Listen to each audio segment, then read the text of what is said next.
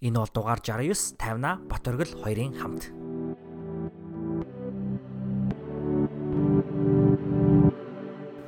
Сэхэтэн подкастта тавтай морил цогтөлхүүн дээр байна.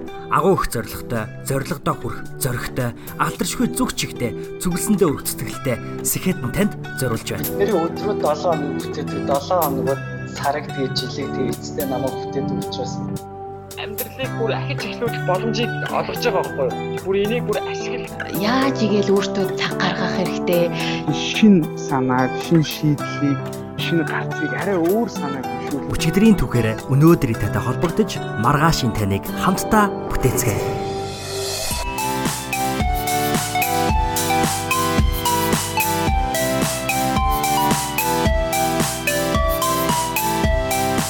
Сайн байцгаана сонсогчдоо. Энэ хүрээд сэхэтэн төслийн хүрээнд бэлтгэн хүргэдэг Нямын 8 подкастын маань 69 дахь дугаар эхэлж байна. Тэгэхээр энэ ням гарагийн хувьд Америк нэгдсэн улсад 3 хоног үргэлжилсэн урт 7 хоногийн сүүл буюу уикенд болж байгаа. Тэгээ энэ ям гарагт би хин хоёртойгоо ярилцсан бэ гэхээр Америк нэгдсэн улсын топ их сургуулиудын нэг болох Аризонагийн их сургуулийг шинэхэн төгсөгч Батөргөлийн хамт тайвна бид гурав ярилцсан байгаа.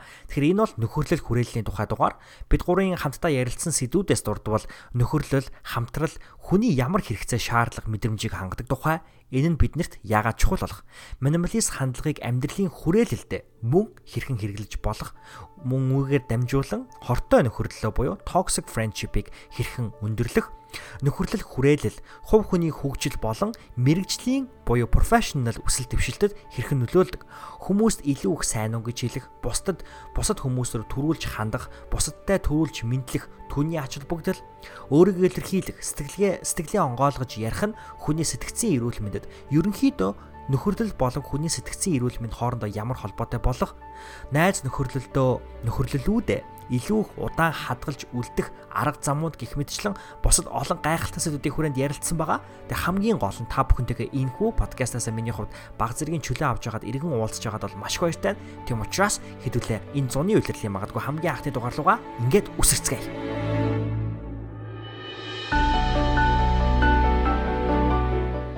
За энэ хүү манай подкастын маань цааш нэг нэг дугаар эхлэхэд бэлэн болсон байна. Тэгээ та бүхэнтэйгээ энэ хүү тодорхой хугацааны дараа иргэн уулзаж байгаадаа маш их баяртай байна. Тэгээ өнөөдөр энэ хүү подкастын шин дугаарыг хамтдаа бүтээлцэхээр манай Сэхэтэн подкастын хоёр хөтлөгч нар болох тайвна болон миний бие бэлгүүнээ нар байна. Аа тэгээ үүнээс гадна бид нартай байгаа хамгийн чухал хүн бол Батөргөл маань байгаа. Тэгээ Батөргөлийг би ялангуяа ихвчлэн Аризона Батөрөл гэж дууддаг. Үүн дууддаг энэхүү дууддаг шалтгаан нь юу байсан бэ гэхээр Аризонагийн их сургуульд сурдаг байсан. Тэгээ одоо сургуулаа төгсчихсэн байгаа. Тийм учраас юуны төрөнд бас Батөргөлдөө баяр үргэе. Тэгээ бид бүхэн бас өөрийгөө танилцуулаач ээ гэж хүсэж байна. За сайн байцгаана уу? Өнгөрсөн жил бас скетэн подкастнаар томчтой уулзсан. Тэгээд дахиж оролцсонд оролцож байгаад их баяртай байна. Бэлгөө урьж байгаа бас бэлгүүн тайван баяртай их баярлаа гэж хэлье. Тэгээ сая сургуулаа төгссөн. Тэгээд их баяртай байгаа. Дараагийн амьдралынхаа алхмыг хийх гэж байгаа бас айж гин бас ихэр нь бол бас баяртай байгаа. Улс төр гадаад харилцаа, байгаль орчин, ногоо хөгжил гэдэг мэргэжлээс сурцсан байгаа. За тэгээ юуны дөрөнд дахин баяр хүргэе. Тэгээ одоо яг одоогийн байдлаар өөр газар нүгэд очицсан байгаа те. Тийм учраас магадгүй Аризона Батөргөл гэдэг нэрээ солих бах. Эсвэл би солих гэх юм уу? Яг одоо хаана байгаа вэ? Яг одоо бол би яг area буюу цөөрийн үндийн хавцаа байгаа. Тэгээд нэг эндээ нэг 7 сар хүртэл байжгаад Лос Анжелес хот руу нүүхээр төлөвлөж байгаа. За тэгээд Лос Анжелес хот руу нүүж очиод бид бүхнийг гайхшруулах тэр мөчийг бол найзууд нь тэс ядаг хүлээж байгаа гэд. Тий. За 58 гаар маань юу вэ? 58.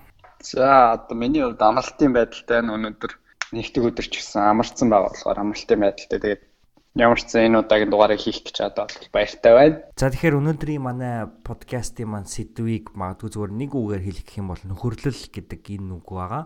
Гэхдээ бид бүхэн зүгээр яг нөхөрлөл гэж юу юм бэ гэдэг талаас нь ярахаас илүүтэйгээр үүний цаадах бидний амьдралд өгдөг үр өгөөж нөлөө тэр бүгдийг бол задалж онгойлгож ярих гэж байгаа. Тэгээд тийм ч учраас яг энэ хүү сэдвэр бас ярилцъя гэдэг санааг гаргасан хүн маань өөрөө тайвна байсан. Тийм учраас энэ асуултыг асууж энэ хүү подкаст албиос эхлүүлэх нь зүйтэй ах. Яагаад яг энэ сэдвийн талаар ярилцахыг хүссэн бэ тайвна? За сүүлийн үед хүрээлэл болон тэ нөхөрлөлттэй холбоотой бас олон ном болон судалгааг бол уншсан. Тэр ч утгаараа нөгөө ийм талын яриаг өөрийнхөө төр ойлгосон зүйлүүдээ бос хүмүүстэй бас хуваалцмаар санагдаа. Тэр бол нэг бас энэ подкастыг хийж байгаа, энэ сэдвүүрээр хийж байгаа нэг хөшүүргэн авах гэж бодож байна. Тэгээд өөрийнхөө бас ингээ хүрээллийг хараад үзэж байна л та тийм. Маш олон найзуудтай биш ч гэсэн тодорхой хэмжээний одоо үнэн чих юм уу итгэж найддаг тийм хүрээлэл байгаа. Тэгээд тэр хүрээллийнхээ хүмүүсийг ингээ хараад байхад миний өөрийн амжилтанд ч юм уу, миний бодож явдаг зүйлүүд ч юм уу, миний энэ карьерийн өсөлтөнд бол тэр хүмүүсийн оролцоо одоо жишээ нь за амьдралыг одоо 100% гэж үзэх юм бол тэр хүрээлэл бол тэ 40 50% ч юм уу тэ 30% ч юм уу за гэр бүлүүд бол тусдаа зүйл шүү дээ тийм их хэмжээний нөлөөллийг бий болгодог юм шиг надад санагдсан. Тэгээд тэр хүмүүсээс өгж байгаа урам зориг ч юм уу тэр хүмүүсээ сайн сайхан яваа тэр байдлууд нь би бас хичээх хэрэгтэй юм байна гэдэг тэр сэтлийг төрүүлдэг ч юм уу. Тэр утгаараа бол энэ сэдвийг бол сонгосон. Яагаад хүний амьдралд ер нь амьдрал гэлтгүү ажлын карьерт болон амжилтанд хүрээлэл болон чинь эргэн тойронд байгаа тэр нөхөрлөл чинь чухал юм бэ гэдэг талаар л яриа гэж бодож байна. Яг жил нэг нэг жилийн өмнөх үдийд та хоёр 50 та хоёр маань зүүн өмнөд Азаар аялж исэн. Тэгээ яагаад бас тэрийг би их санаад байна гэхээр 50 маань яг 5 сар төрсэн, би 5 сар төрсэн. Тэгээ 50 яг төрсөн өдрөөрөө зүүн өмнөд Аз та хоёр ингээд хамтдаа 50-аагийн төрсөн өдөр тэмдэглээд аялж исэн те саяхан одоо жилийн өмнөхөн Тийм учраас та хоёрын хөрлөлд ялангуяа энэ аялал их чухал үүрэг оройлтой байсан юм болов уу гэж би боддог. Тэгээд Батөргөл тайвна та хоёрын яг энэ хөө аялал та хоёрын нөхөрлөлд ер нь яг ямар нөлөө үзүүлсэн бэ? Яг ер нь энэ аяллыг одоо эргээд дурсахад юу нь хамгийн сайхан санагдаж байна. Тэгээд та хоёр өмнө нь болохоор тэгэж би бинээ сайн одоо тотон нотлих мэддэггүй байсан ч гэдэг юм уу. Тийм ч учраас энэ аялал бол хамгийн их нөлөөг үзүүлсэн гэж бодож байна. Тийм учраас Батөрглоос яг энэ хүү асуултыг асуухыг хүсэж байна. Энэ аяллаас одоо юг хамгийн их санаж байна? Аа сайхан байсан шүү. Гэтэ битэр чин тайна битэр чин 2017 оны ерөөдөө зун танилцаад аа тэгээд 18 оны одоо ер нь бол бараг жилийн дараа гэсэн үг шүү дээ өмнөд Азаар аялсан. Тэгээд аялах болсон шалтгаан нь юу вэ гэхээр ерөнхийдөө бол би яг 3 дугаар курсээ төгсчөөд энд нэг дадлага ажил Америкт хийгээ гэж байгаа тэрийгэ болоод за 100-ын уйдаа шийдсэн байсан байхгүй юу. Тэгээд замаараа яг би ер нь бол замаараа Монгол цогтой нэг ингээд аялаад өөр газар очиод ингээд Монголдо буцах буцах юм бол арай хямд аялцдаг. Тийм болохоор яг тийм төлөвлөгөөтэй байжсэн. Тэгээд яг хаа аяллаа хамтагч ажилласан гэх юм уу да. Яг хаа олоог байсан бол би ганцаараа явах гэсэн. Гэхдээ мэдээж ганцаараа явсан бол нэг бодлын гоож гэсэн бас нэлээ олон мэдээж бэрхшээлтэй бэрхшээлтэй юмнууд тулгарх байсан надад. Тэгээд мэдээж ингээд гой мөчийг хүмүүстэй хамт хуваалцах чинь илүү сайхан мэддэг шүү дээ. Тэгээд ингээд хажих таймнараа би ягаад ч бичсэн юм аа. Тэгээд бичээд хөшөө аялах уу гэдгсэн чинь мань хүн өө тэгээд бид хоёр шууд бараг маргааш нь плед аваад тэгээд тэгээд Индонезийн Балид ингээд уулзаад аялж эхэлчихсэн. Бид хоёр чинь Бали, Бангкок, Таиландын Бангкокот тэгээд Хонконг өөр чинь хаашаа явлаа. А тэгээд ерөнхийдөө бол зүүн тазар аялсан. Хэдэн 14 он 2-7 оны хугацаанд. Тэгээд түрүү асуусан шиг одоо яг юу санаанд их орж ийн гэсэн асуусан шүү дээ. Тэгэхээр одоо ингээд бодож байхад тийм яг битээр би бинийгээ сайн мэддгүү байсан болоод ч тэрөө яг аялах хугацаанд битээр ер нь айгүй дотно олж чадсан. Одоо танихгүй газар тий. Одоо замаа олохгүй төөрсөн байдаг ч юм уу тэр үед ингээд бэрхшээл толгорсон үед ч юм уу би биндээ туслаад ингээд явж байгаа үед би бинийгээ ингээд за энэ хүн бас ийм хүн юм байна шүү гэдэг тийм зан яг хэцүү үед мэдэж авдаг шүү дээ. Яг сайхан үед ч гэсэн тааж авдаг шиг. Тэгэхээр яг тийм өчүүдэл ерөөхдөө бол аяг дүрсэн зүйлсэн байдаг л та. Одоо миний нөгөө ачааны килограмм хэтэрчээд онгоцны бодол дээр би ч нөгөө хоёр чамдаамаа барьчаал амар том чамдаамаа барьчаал авч бас хамаг юм ач ирээл. Тэгээ мань хүн чинь болохоор таймна чинь ачаагүй ирсэн. Тэгээд миний одоо нөгөө нэг хямдхан айланаар явжсан болохоор ингээд юу яждаг чамдаамны килограмм хэтэрсэн.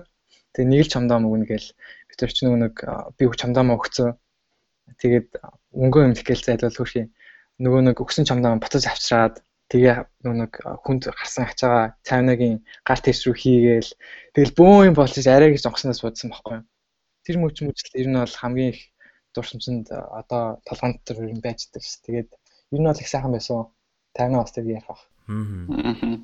Тэгэхээр юу юм биш үү? Ер нь бол та хоёрын ингээд одоо яг магадгүй би биний амар сайн мэддэг хүмүүс ингээ хамтдаа аялсан бол илүү яг тэр аяллахын дурсамжууд санагдана. Гэтэл илүү яг одоо ингээ ирэхэд яг би бинээ илүү таньжсэн тэр мөчүүд нь их санагддаг юм шиг. Зөв зөв. Яг зөв. Аа. Сая яг нөгөө миний нөгөө санаагүй зүйлийг сануулж байна л да. Ориглын ярианаас тэр. Нөгөө онгоцны буудлын дээр тэ тэш өгөх гэдэг Тэгээ тухайд бол би бол бас ууралж лээсэн баг те. Тэгээ тэгэл ачаа ихтүүлчлээ гэл оргилт амар ууралсан л ах.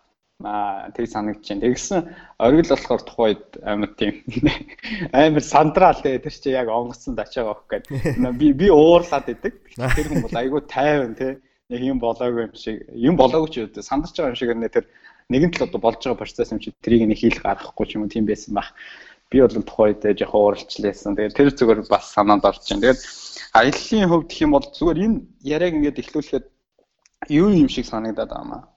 Жишээ нь бид төр ингээд оргилтой ингээд аяллаар явах санал надад ингээд тэр аяллахаа явах гэж байгаа зүйлийг ингээд надад ярихт нь өө тгий гой санагч нь хойлоо явъя гээл. Тэгэхээр энэ цаана нэг ихтгэлцэл яваад байгаа. Бид тэр 17 он танилцсан юм шиг хэрнээ удаагүй шүү дээ. Багын найзууд биш Тэгээд өмнө нь бол яг би биеийг битийг уулзсан тохиолдол бол нэг ганц хоёр л удаа авах. Тэгээд өмнө нь уулзч аваагүй. Тэгэл явъя гэж явцсан. Тэгэхээр энэ өөрөө тийм нэг мэдрэмж байдаг юм шиг байна. Энэ нөхөрлөлт болон зөв хүрээллийн суурь нь өөрөө мэдрэмж дээрээс үүсдэг юм шиг санагддаг. Зүгээр ийм зааварчилгаа биш шүү дээ, тий. Жишээ нь за чи оргилтэй хамтарч ажил гээл тэгвэл бат оргилтэй чи аял гээл тэгчингүүд би дахиж очивол аялахгүй шүү дээ. Чи цогтөлгүүнтэй хамтар нөхрөл гэж хэлчингүүт нь би дахиж очиод нөхрөлөхгүй шүү дээ. Энэ нэг цаана нэг үгээр илэрхийлэхгүй нэг тийм хүнд төрдөг мэдрэмж яад. Тэгээ яаж би тэрийг бол хэлхийг мэдэхгүй. Тэгээд тэр мэдрэмжин дээрээс суурлаад энэ нөхөрлөл болон ихтгэлцэл ингээ бий болдго юм байна гэж бодож. Харин тэр мэдрэмж нь ихэнх тохиолдолд юунаас бий болдго юм бэ гэхээр тэр нэг аюулгүй байдал ч гэдэг юм би тэр нэг яагаад хүнд би итгэж байна вэ гэхээр надад тийм нэг аюулгүй байдал мэдрэгдэж штэ тий. Ямар нэг айдас аахгүй энэ хүндээ илэн талангуу ингээд итгээд ингээ юмаа яриад ингээ хамтраа явчих тийм нэг мэдрэмж аюулгүй байдлын тийм мэдрэмж миний дотор төрсөн болохоор би энэ хүнд итгээд за хоёулаа хамтдаа аялаа гэдэг шийдвэрийг би гаргаж яах гэсэн үг байна. Нөгөө утгаар болохоор би амар гимгүү царайтай. Тэгэхээр ямар нэгэн ихтгэлцэл нөхөрлөл бол яг тийм аюулгүй байдал тийм мэдрэмжэн дээр суурилтын юм шиг надад бол санагдсан энэ дээр. Тэгэл тухайд бол өчнөө л гоё дурсамжууд байгаа. Тэгээд бид өөр чинь нөгөө Балид аялчаад Балигаас нэг 2 цаг эртээ илүү яваад Нуса Пенида гэдэг нэг арал дээр очдөг байхгүй. Тэгээд тэр арал дээр очичоод оройн битээр бүр нэг өдрийн дотор явсан болохоор үдээс хойшоо очичоод хальт баг үзэх хэрэгтэй юм. Гэлс үзчихээ буцаад ингээд яваад тэгсэн битээр нөгөө бүх ачаа мачаага баали дээр буусан буудалтай бүгдийг нүлдээсэн. Тэгэл битээр нөгөө солих хувцас чи авахгүй нэг хувцастайгаа тэгэл тэр чинь ингээд л пад хар болцсон хачи хувцастай битээр чи. Тэгээд мөнгө хэмнэх гээд ингээд жишээ нэг овтой буудал авч байгаа байхгүй тий. Тэгэхдээ битээр ингээд солих хувцас мөвцс аахгүй. Тэгээд нэг хүн жил дотор ингээд унтаал уяла. Тэгээд Хонконгод одоо чи Хонконгод гисэн чи битээр бас буудлынхаа мөнгийг хэмнээл амар давчин өөрөө заяа. Тэр баг эдэн метр квадрат юм бэ. Хайш хайшаага нэг 3 3 метр л баг тийм 9 метр квадрат тийм. Тэгээ баг л шкаф тийм өөрөө тийм. Цаах байхгүй хав аранхуу тийм. Гэрэл унтраад тэгээд хав аранхуу тийм нэг өрөөнд тавт ингээд байгаа тийм.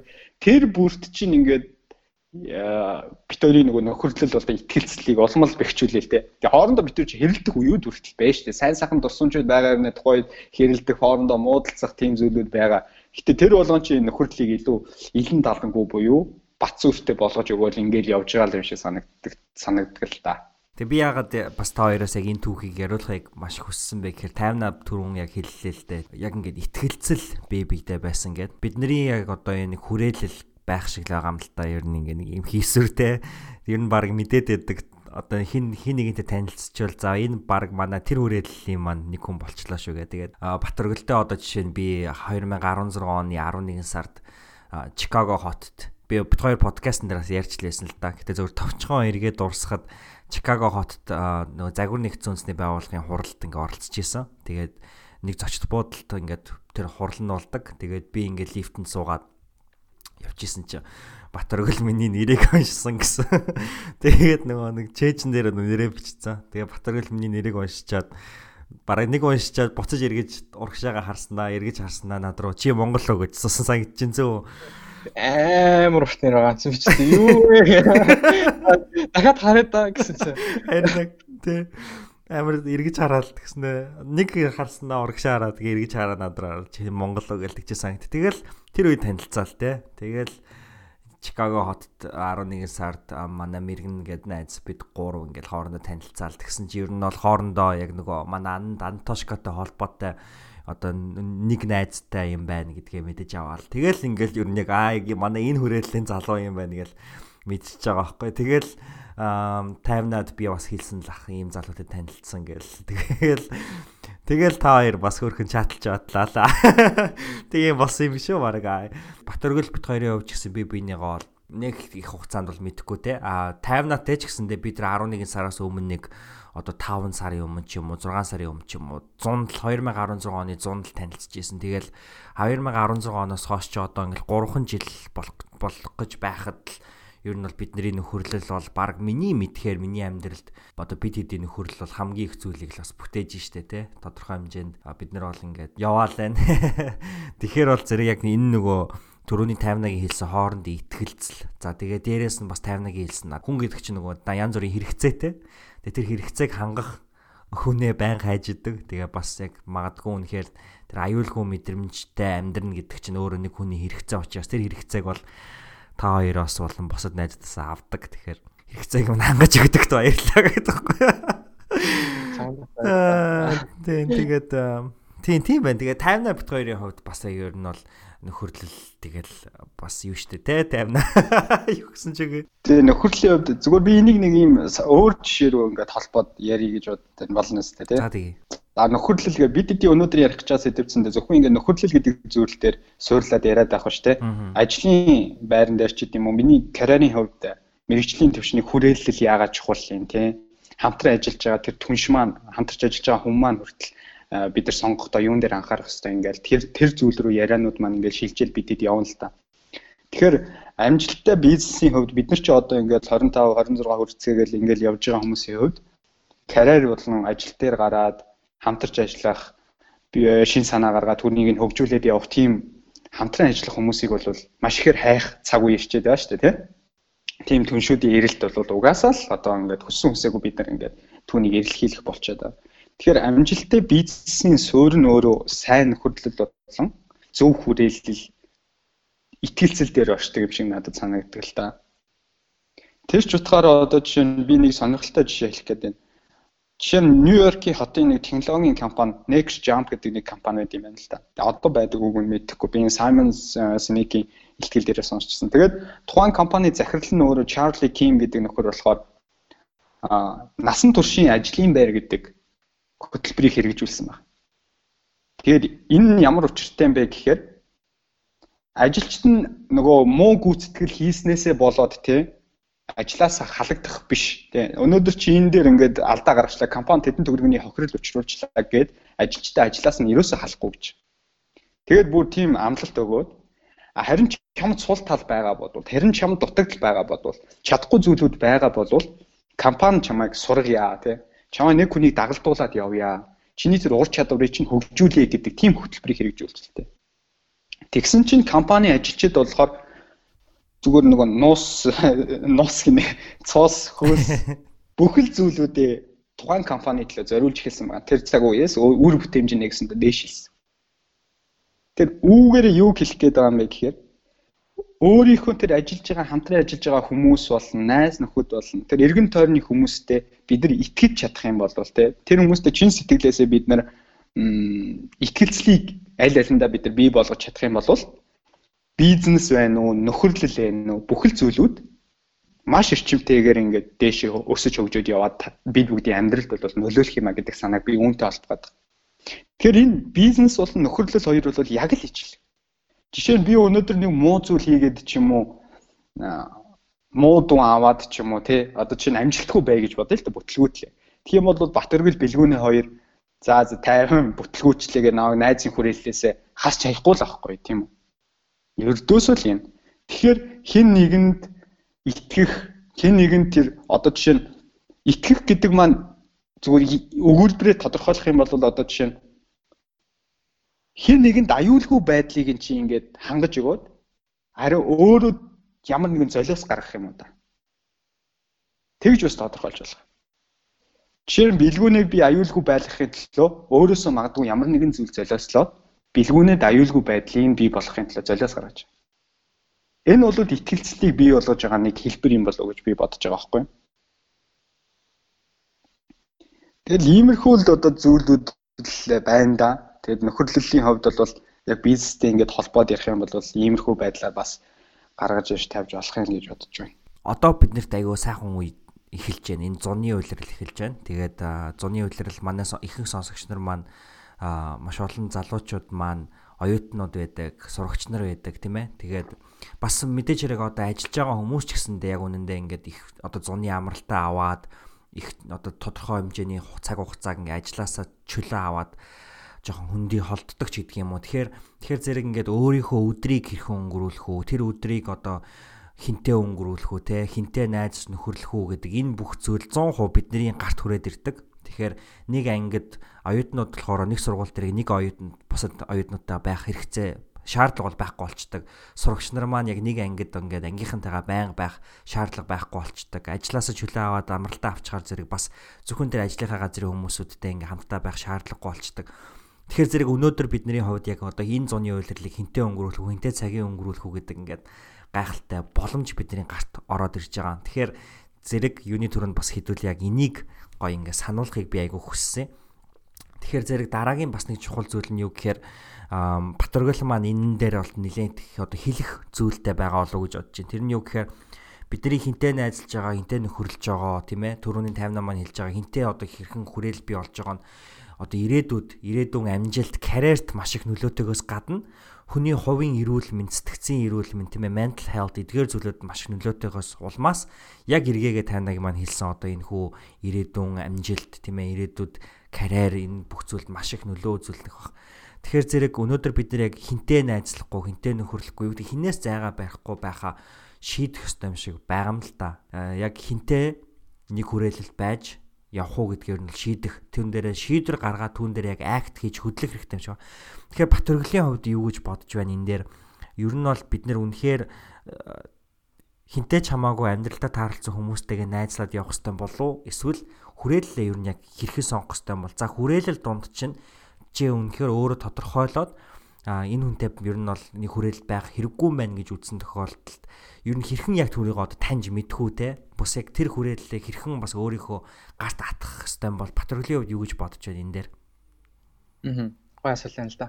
Тэгээд ер нь бол хүмүүс чинь ер нь өдөр өглөө босноосоо эхлээл байнга ингэ сонголт хийдэг штэ аа за би одоо босох уу шүдээ хийзээ авах уу яаж авах уу ямар аваа шүдээ авах уу ажилдаа хэдэн цагт явах уу өглөөний цаандаа юу идэх вэ бүх сонголт байдаг те. Унтах хүртлээ.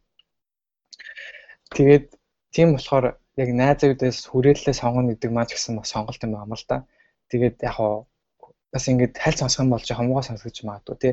Яг ингээд бодоод үзэх юм бол одоо Монголын зүр зүг гэдэг чинь ингээд таарсан таашууд анууч гэдэг ч юм уу. Ингээд яг юуны алтны хажууд гоо шаарлан гэдэг шиг тэрнтэй адилхан. Бид нэр өөрсдөө ингээд сайхан амьдрын бусад сайхан амьдрал одоо бэлэглэе гэдэг ч юм уу тий. Одоо ингээд гой гой одоо дурсамжуудыг бүтээе гэж аваад мэдээж тэр өөрийнхөө хүрээллийг юу зөв сонгох хэрэгтэй. Шиг надад санагддаг. Тэгээд бас энэ маань ч гэсэн ер нь бол айгу бидний тийм mental health буюу одоо сэтгцэн эрүүл мэнд маш их чухал нөлөөтэй байдаг. Яагаад тэгэхээр одоо хүмүүс чинь ерөөхдөө бол сүргийн амьтан шүү дээ. Бид нар ингээд бие биентэйгээ харилцаж ингээд аа ер нь бол амьдэрдэг. Бид нар тэр чөнөрийн тааны хэлсэн шиг нөгөө нэг бие биендээ ингээд аюулгүй байдлын хэрэгцээг нь хангаж өгч бид нар ингээд амьдэрдэг гэдэгтэй адилхан. Аа сайн найзтай байх юм бол хэцүү үе чинь аваад босгоод өөдөн татаад явна. Муу настай байх юм бол сайн сайхан байгаа үе чинь найдалж агаад мууц үе чинь хайдаг ч юм уу тий. Тийм болохоор ерөнхийдөө бол найзуудаа сонгох нь их ер нь бол их маш чухал асуудал юм байна л та. Тэгээд бас нэг юм нэмжлэхэд ер нь одоо минимализм гэдэг нэг юм байна л та. Одоо шүлийн үед их ингээд трендлээд байгаа тий. Тэр минимализм гэж хүмүүс ойлгохоор ерөнхийдөө бол ингээд гэр дотроо баг тавилга тавина гэдэг ч юм уу эсвэл баг хувцастай байна гэдэг нь ойлгодог. Яг үүндээ минэлсийг болохоор бид нэр ингээд хүрээлттэй ч гэсэн ашиглаж болох юм шиг байгаа. Яаж вэ гэхээр ерөнхийдөө одоо ингээд биднэрт ингээд яг амьдрал дээр ингээд байшингаас гарангууд таньдаг хүмүүс зөндөө байдаг тийм үү. Тэн дээр бид тусалдаг хүн байна. Бидний амьдрал стресс илүү хэцүү зүйлсүүдийг ингээд гаргаж өгдөг найзууд нөхдүүд зөндөө байдаг те. Бид нар бүгдээ мэдж байгаа. Тийм болохоор а өөрийнхөө сэтгцийн одоо mental health-ыг сайн авч яваа гэж бодож байгаа бол өөрт чинь токсик буюу хортой нөлөө үзүүлж байгаа хүмүүсээс ирээд холдох хэрэгтэй ерөөсөө. Ямар нэгэн байдлаар тийм үү. А нэг бол тэр асуудлыг шийдэж болно. Чи надаа ингэж байна. Би юм хүсэж байна. Ингээ болч гэдэг чинь асуудлыг шийдэж болно. А нөгөө нэг экстрим аг нь болохоор ерөөдөө бол тэр хүнээсээ загаа бариад холдоод амарчих юм бол хийгэндээ юм бол амар. Одоо хэрэг монголчууд хийдэг штеп Facebook дээр сошиал медиа дээр ингэдэг дургуун хүнийг фоллоу хийдэг. Тэр нөгөө хүнийх нь постлонгууд энэ ингэж тэр чиг чинь гэл ингээл комплейн дээр л өөрийгөө зогооддаг тэрний орн зүгээр анфоллоу хийгээл дахаал болчих л тоо. Тийм бол ямар ч тийм асуудал байхгүй. Тийм тийм болохоор энэ минимализм гэсэн ерөнхийдөө бол ер нь амьдралдаа ашиглаад одоо өөрт нь хортой нөлөө үзүүлж байгаа юмсаа ер нь салах нь бас ер нь бол зөв юм шиг байна. Аа хүрээллийг бас дотор нь англиад ах шиг байна л да. Тэгээд хэдүүл ангилж болохоор те. Ер нь яг хүн яг амьдралдаа ямар ямар төрлийн хүрээлэлтэй байх хэвтэй юм бол. Аа. Амьдралын хүрээлэл бол ажлын байран дээр хүрээлэл гэхээр бол хоёр том ойлголт бол боловч нь те. Тэгэхээр миний хувьд болохоор энэ хоёрын жишээ нь ингээ балансыг буюу тэнцвэрийг бол цогт нь бариад явах хэрэгтэй юм шиг. Энэ дээр нэг юм сонирхолтой судалгааг би олж уншлаа л та. Энэ 1985 онд а тухайд бол одоо Финландийн Nokia компани эзэмшдэг энэ Bell Lab гэдэг нэртэй судалгааны одоо хүрээлэн гэх юм уу, лаборатори гэх юм уу. Тэгээ энэ хүрээлэнгийн хүмүүс а одоо маш өндөр түвшний тийм инженерүүд дээр ур чадвартай гэх юм уу, дундаас дээш түвшний өндөр хэмжээний ур чадвартай инженерүүд дээр ингээд хэд хэдэн хүмүүстэй судалгаа хийж л дээ. За судалгаа хийгээд үзсэн чинь Яагаад энэ хүмүүсийн ур чадвар ч гэдэм юм уу ажил дээр гаргаж байгаа амжилт нь дундаж төвчний хүмүүсээс ингээ ялгараад байна тийм онцлог байж чадаад байгаа юм бэ гэдэг. Тэгээд үдсэн чинь IQ бол үүнийг бол гол хүчин зүйлэл ерөөсөө биш байсан. Энэ хүмүүс IQ өндөртэй дөө ингээд амжилттай өөрийн ажил дээр карьер өндөртэй яваад байгаа юм бол биш. Тэгээ судалгааны үр дүн нь юу руу хөтлсөн бэ гэхээр өндөр түвшний тэр ур чадвартай байгаа хүмүүс нь харилцаа холбоогоо хөгжүүлж чадсан байна. Тэгэхээр харилцаа холбоогоо хөгжүүлэхэд дундаа бүр мэрэгчлийн төвшний мэрэгчлэтнүүдээс бүрдсэн тэр харилцаа холбоогоо бол тэлж чадсан. Тэр нь өөрийнх нь амжилтанд хүрэхэд дундаж төвшнээс ялгархад нөлөөлж хэлтэй. Тэгээ сүүлийн үеийн энэ чинь 1985 оны судалгаа шүү дээ. Гэтэл сүүлийн үеийн судлаачид хүртэл тухайн үеийн тэмдэглэлийг энэ судалгааг хүртэл дэмждэг, үүнтэй санал нийлдэг, нотолдог болоо. Тэгэхээр эхлээд би мэрэгчлийн энэ хүрээлэл гэдэг зүйлийг илүү авч үзээд яриа л та. Тэгэхээр бид бүхэн хүрээлэл гэдэг зүйл бол энэ судалгаануудаас харахад бол чухал гэдгийг бол ойлгочлаа тийм. Маш олон судалгаа байгаа. Тэгвэл бид бүхэн энэ яг ямар хүрээллийг энэ мэрэгчлийн түвшний хүрээлэл хүрээлэл гэж хэлээд байгаа юм бэ гэхээр жишээ нь бид нар ихэнх тохиолдолд биш үү ингээд а миний үзэл бодолтой нэг те магадгүй надтай нэг мэрэгжилтэй ч юм уу. Одоо ингээл Бат өргөөл бэлгүнэ Антошко бид нар болохоор ингээ нийгмийн идэх сайтай залуучууд шүү дээ тий. Залуучуудаа ингээл юм хүргэж гээл гой гой мэдээллүүдийг хүргэчихсэн гэсэн тийм нэг нийгмийн идэх зүтгэл сайтай гэж үүсдэг байгаад. Тэгэхээр бидний хувьд болохоор нэг ижилсэх нэг зүйл байгаад байгаа. Тийм болохоор бид нар ингээ нөхөрлөөд байгаа. За а одоо соёлын хөвд бид нар ингээд нэг ижил үзэл бодолтой байдаг ч юм уу. Тийм харилцаануудыг Тийм болохоор бид нар ингээд нэгдэн нийлэх чиг хандлагатай байгаад идэв юм байна. Гэтэл энэ судалгааны гол зорилго нь тийм хүрээллийг бий болгохоос гадна за тэр хүрээллүүд ингээ хүссэн хүсээгүй ингээ бий болчихно. Хараяанда үүсч. Тэрнээс гадна өөр төвшин хүмүүстэй хүрээллийг бий болгох гэдэг. Жишээ нь би барилгын инженер мэрэгчлээ хэрнээ ингээд нийгмийн зүтгэлтэй ингээд нийгэмдээ идэх оролцоотой байдаг хүмүүстэй нэг хүрээлэлтэй байлаа гэж бодъё. Тийм бол би ажил дээрээ инженерүүдтэйгээ бид нар би бас нэг хүрээлэлтэй. Бид нар бол хязгаарч хувийн нөхцөлийн тухай зүйлүүдийг ярихаасаа илүүтэй те сүүлийн үеийн гарч байгаа технологиудыг ярина. Бидний сүүлийн үед гарч байгаа хиймэл оюун ухаан, машин судлал гээл автоматжуулалт гээл яг мэрэгчлэлтэй мэрэгчлэлтэйгээ холбоотой зүйлүүдийг ярьдаг байхгүй. Тэгэхээр өөр өөр төвшний хүрээллийг хүмүүсээр ингээд хүрээлэлээ тэлээд байх тусмаа бид нар илүү шинэлэг санаа гаргах боломжтой, илүү бүтээлч бүтээлч шийдэл гаргах боломжтой. За мөн бид нарыг ингээд шин зүйлийг хийхэд эрч хүч урам зориг тэр хүрээлэл дундаасаа би авч яадаг юм. Тэгээ хамгийн гол чухал зүйл нь оновчтой шийдэл гаргах гэж байгаа. Шийдвэр гаргах. Мэдээж би нэг өнцгөөс хараад нэг төрлийн хүрээлэлтэй хүмүүс надтай ижил үзэл бодолтой хүмүүстэй би хүрээлэлтэй байсан бол бид нэг л өнцгөөс хараад бүгд санаа нийлээл за наа чил эцсийн шийдвэр юм байна. Эцсийн шийдэл юм байна гэдэг дээр санал нэгдэн штэ. Гэтэл өөр өөр төвчний хүрээлэлтэй, өөр өөр насны, өөр өөр арьс өнгөтэй, өөр өөр үндэстэй, өөр мэрэгжилтэй өөр төвчний боловсралтай ч юм уу. Тим хүмүүсээр хүрээлэлээ тэлээд эхлэнгүүт тэр хүмүүс чинь бидний хардаг өнцгөөс шал өөр өнцгөөс харж эхэлж байгаа. Тэгэхээр тэм чи ингээд эрүүл мэтгэлцэн бий болно те. Ягаад тэгэхээр 58-гийн хилдэг зүйлийг үргэлж тэр хүмүүс чинь дэмжихгүй шүү дээ. Өөр өөрөөр боддог хүмүүс чинь намайг өгөөсгөн үгүй 58 чи буруу өнцгөөс хараад байна гэж ярина. Тэр эрүүл мэтгэлцэн дундаас хамгийн гайхалтай шин санаанууд хамгийн оновчтой шийдлүүд гарах боломжтой байдаг юм байна л да. Тэгэхээр ийм өөр өөр төвчний хүрээллийг бий болгох нь бол амьдралд бол чухал зүйл гэдгийг сүүлийн үеийн судлаачид бол юуны дэмжиж бол яриад байгаа юм байна. Тэгэхээр би илүү тэр талаас нь өнөөдөр бол ярих гэж бодож байна. А нөгөө амьдралын нөхөрлөл болон найз нөхөд гэдэг зүйл дээр бол а манай хоёрын хувьд илүү бас яриасаа гэж хүсэж байна. Тэгэхээр маш гайхалтай сэдв байна.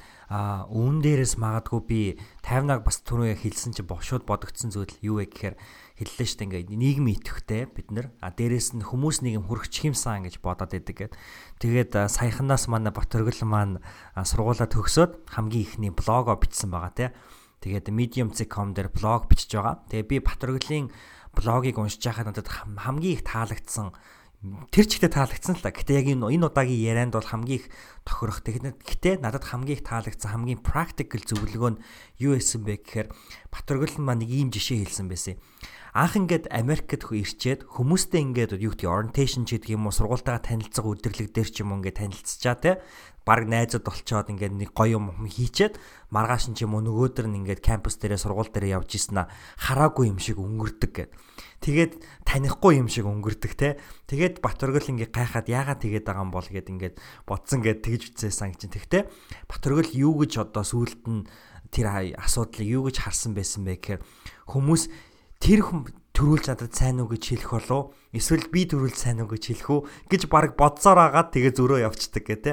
Тэгээ тийч утгаараа Батөргөл өөрөө энэ одоо байдлыг гартаа аваад кампус дээрээ ингээд илүү хүмүүс сайн уу гэж хэлдэг, илүү их гар барьдаг, илүү их юу байна, сайн сайхан юу байна гэж асуудаг болсон гэдэг жисэн. Тэр ч утгаараа Батөргөл өөртөө ч илүү ихтгэлтэй болсон, тэр ч утгаараа илүү олон найзуудтай болсон. Ер нь баг магадгүй одоо эргээд харах юм бол Батөргөл Хэрвээ хүмүүн өнөөдөр оюутан байхдаа хүмүүст сайн уу гэж хэлээгүй гар бариагүй байсан бол илүү жижигхэн найзуудын нөхөрлөлийн хүрээлэлтэй тийм ээ тийм байх байсан болов уу гэж бодож байна. Тэгэхээр Батөргөлийн хувьд яг энэ жишээ амьдралд нь хамгийн их нөлөөлсөн жишээнүүд нэг юм болов гэж бодож байна л та. Тэгээд яагаад чи тэр хүмүүстэй чи бас яг тэдэртэй адилхан харах харсан мөртлөө хараагүй юм шиг өнгөрөөд явах боломж байсан те. Гэтэл чи яагаад төрүүлж нэг алхам аваа төрүүлж тэр хүмүүстэй гар барихыг илүүд үтсэн бэ? Ер нь анх Америкт ирж байхад ер нь бол culture shock гэдэг соёлын шок. Одоо Монголд бол мэдээж хүмүүс нэг бүрэн бичимхий одоо яг найз дунд нөхтөрөөл явдаг яг танихгүй хүмүүстэй нэг гар сайн үг хэлдэхгүй ч юм уу тэр нь бол ерөөдөө яг тийм тогтсон дэг журам гэх юм аашин тиймэрхүү юмштэй ер нь бол танихгүй хүмүүстэй нэг сайн сайн үг хэлдэггүй. А энд болохоор арай өөр байдаг. Тэр нь арай л хүмүүст нийлэлтэй хоорондоо байдаг. А тэгээд ингээд би ажиглаад үзсэн чинь ерөнхийдөө ингээд өмнө нь өчтөр нь уулзаал ингээд аягүй гоо ингээд харилцаа яриа өрнөсөн мөртлөө маргааш нь ингээд танихгүй ингээд өнгөрчин би бүр гайхчихсан байхгүй. Энэ хүн өчтөр настай уулзаад яагаад одоо ингээд ингээд зүр үзүүлээд байгаа юм болоо гэх тээ. Шоконд орж байгаа байхгүй. Тэгээ би одоо ямар нэгэн буруу юм хийсэн болоо гэж дотроо ингээд айгүй insecure боо ингээд өөртөө ингээд жоох ихтэлгүй болж эхэлж байгаа юм л та. За энийг би одоо яаж засах уу гэд ингээд бодоод үзсэн чинь ер нь бол яагаад би тэднийг сайн үг хэлхийг хүлээх ёстой юм тийм ээ. Тэр үнтэй хэрвээ би найз болъё гэж бодож байгаа бол би эхний алхмыг хийгээд дараа нь ингээд ер нь явах зүгээр юм байна гэж ер нь бол бодсон. Тэрнтэйгээ адилхан ингээд марааснаас нь эхлээд одоо багш нартайгаа ч юм уу эсвэл ингээд сургууль дээр кампус дээр таалцсан хүмүүстэй ингээд сайн уу гэд ер нь бол ингээд харилцан яриа эхлүүлээд ингээд өөрөө ингээд би бүх юм эхлүүлээд явсан чинь бүх юм өөрчлөгдсөн л доо. Тэгээд одоо хараад үзсэнгүүд би яг сүүлийн 4 жилийн хугацаанд их сургуультаа сурахдаа Монголд ч Америкт тэр маш олон төрлийн найзуудтай болж чадсан байгаа юм л та. Тэгэхээр энэ болохоор миний 10 жилийн одоо ориглоос шал өөр юм л та. Би 10 жилдээ болохоор нэг 3 4 хүн итгэн ангидаа л нэг найзуудтай. Тэгээ гадагшаага бол нэг олон найз байхгүй. Тийм л хүртээсэн. Тэгээд энэ ингээд өөрчлөгдсөн өөрийгөө жоохон өөрчилж чадсан гэх юм аашаа. Тэгэхээр ер нь бол яагаад ингэж эхэлсэн бэ гэхээр ерөнхийдөө би яг найзуудын тийм үн цэнийг дээр ер нь бол жоохон ойлгож эхэлсэн л дээ. Энэ найзуудад чинь би биндээ тусалдаг хэцүү үед нь одоо би амжилтлыг түлхдэг ойр татны хүрээл гэдэг бол их чухал юм байна гэж ойлгосны үндсэн дээр ер нь бол одоо алхам хийж гисэн гэсэн үг. Одоо Робин Домбор гэдэг одоо Оксфордын их сургуулийн тийм антрополог их судалдаг, хүн судалдаг тийм эрдэмтэн байсан юм л да. Тэр нь маань ийм одоо нэг концепт гаргаж ирсэн байгаа. Тэр нь болохоор хүмүүсийн ер нь бол дунджаар хүн 150 хүнийг ер нь бол таньдаг найз найзаа гэж ер нь бодд юм байна л да. За. Тэгээд яг 150 хүн гэдэг нь болохоор casual friends тийм үү зүгээр ингээд ердийн найзууд. Зүгээр ингээд том party ч юм уу том ингээд түлэн авалт авах юм бол ер нь хуран дээр ч юм уу дуудах эсвэл зүгээр бодомжинд харах юм бол сайн уу гэд хэлдэг тийм найзууд. А дараа тэр нь болохоор доошоо бууга 50 руу орж ирэхээр эд нь болохоор close friends уу дотны найзууд болж эхэлт юм байна л та. Нэг төрсөн өдөртөө урддаг ч юм уу одоо хаа 7 хоногтоо ч юм эсвэл сартаа нэг удаа уулздаг ч юм уу тий иймэрхүү найзууд. А гэхдээ эдгээр нь болохоор яг тийм бүрэн гүцэд дотны бүр ингээд best friend бол биш байгаа юм л та. Бүр ингээд өөрийнхөө сэтгэлийг уулдаг надад биш гэсэн үг. А дарааг нь болохоор 10 15 хүн гэсэн үг. 15 хүн энэ болохоор ер нь болохоор өөр чинь хэцүү байгаа үед тэр хүмүүс рүү очдог хүмүүс гэсэн үг тий. Жишээл алтандаа унсан ч юм уу стресс зүйдээ энэ болохгүй байна яах вэ? Би ч гэрээж байгаа одоо санаж байгаа. Тэнгүүд найзууд руу тийм гэрээ санаад байна гэж бичдэг хүмүүс. Энэ 15 хүн л байна гэсэн үг тийм үү. А дараах нь болохоор 5 хүн байна Энэ болохоор ер нь бол одоо бүр хамгийн сайн найзууд тий. Аа гэр бүлийн гишүүдч байж болно. А гэхдээ нь бол хамгийн сайн найзууд бүх юм чинь хуваалцдаг. Одоо баг надаас илүү өөрөөсөө илүү нэг тухайн хүмүүсийг мэддэг ч юм уу тиймэрхүү найзууд юм байна л да. Тэгэхээр одоо бол яг хуу сошиал медиа фейсбુકийн одоо тусалцаагаар ч гэх юм уу одоо 150 нь болохоор бараг 1000 зарим хүмүүс 5000 ч юм уу ингээд агүй олон хүмүүс мэддэг болохоор энэ бол өөрчлөгдсөн байж магадгүй. А гэхдээ л бид нэр дотроо ер нь бол хамгийн дотны найз гэх юм бол та та нар сонсож сонсож байгаа хүмүүсийн хамаар бодоод үзээрэй. Яг хэцүү үедээ ингээд хуваалцдаг хүмүүсийг яг нэрлэх юм бол нэг 5-аас юм 10 дотор л байгаа тий. Тэрнээс бага ш магадгүй. А энэ 5 хүн маань болохоор бидний яг mental health буюу ингээд сэтгцийн эрүүл мэндэд хамгийн их тийм санаа нөлөөлдөг хүмүүс байдаг юм байна л да. Ягаад гэхээр одоо хэцүү үед бид нэр тусалцаа авдаг гэл бүх юм түрүүний ярьсан шиг энэ хүмүүс л биднэртэй одоо байдаг. Нөгөө нэг 150 50 15 хүн маань тэр болгон биднэрт ингээд ойр дотн байж чад байгаад чаддгүй. Тийм болохоор ерөнхийдөө бол ийм найз гэдэг юм их чухал юм байна. Одоо mental health эдний монголчууд чинь mental health буюу сэтгцэн эрүүл мэнд гэхээр юм сайн ойлгохгүй шүү дээ. Юу яриад байгаа гэдэг мэддэг. Галзуугийн имлэг юм уу, шараад имлэг юм уу ойлгодог. Хүн стресст нь, депресст нь одоо ингээд сэтгэл санаагаар унах гэдгийг ерөөсөө ингээд хүлэн зөвшөөрдөггүй гэх юм аашин тий. Ялангуяа ихтэй хүмүүс төр тийм гарч ирдэг. Тэгэхээр энийгээ ерөөдөө бид нэр сайн ойлгож эхлээд одоо бид нэр ингээд сэтгэлээр унах, депресст их өөртөө эргэлзэх гэдэг юм бол нормал хэвийн зүйл юм байна. Харин энийг давтахын тулд ойр цэцгийн найз нөхөд чинь танарт хэрэгтэй байдаг шүү гэж санааг ер нь л хэлхийг хүсэж байна л та. Тийм тэгээ бас нэг юм хэлэхэд аа нэг ажиллаж байгаа юм болохоор одоо Монголд ч юм уу ер нь бол ингээд судалгаа байхад ингээд эрэгтэй хүмүүс эмэгтэй хүмүүсээс илүү бага дотын настай байт юм байна л та. Тэрний ялангуяа ингээд нас их тусам нэмэгддэг одоо 10 жилдээ багтаа ч юм уу хөвгүүд болохоор ингээл группээр назалдаг шүү дээ тий.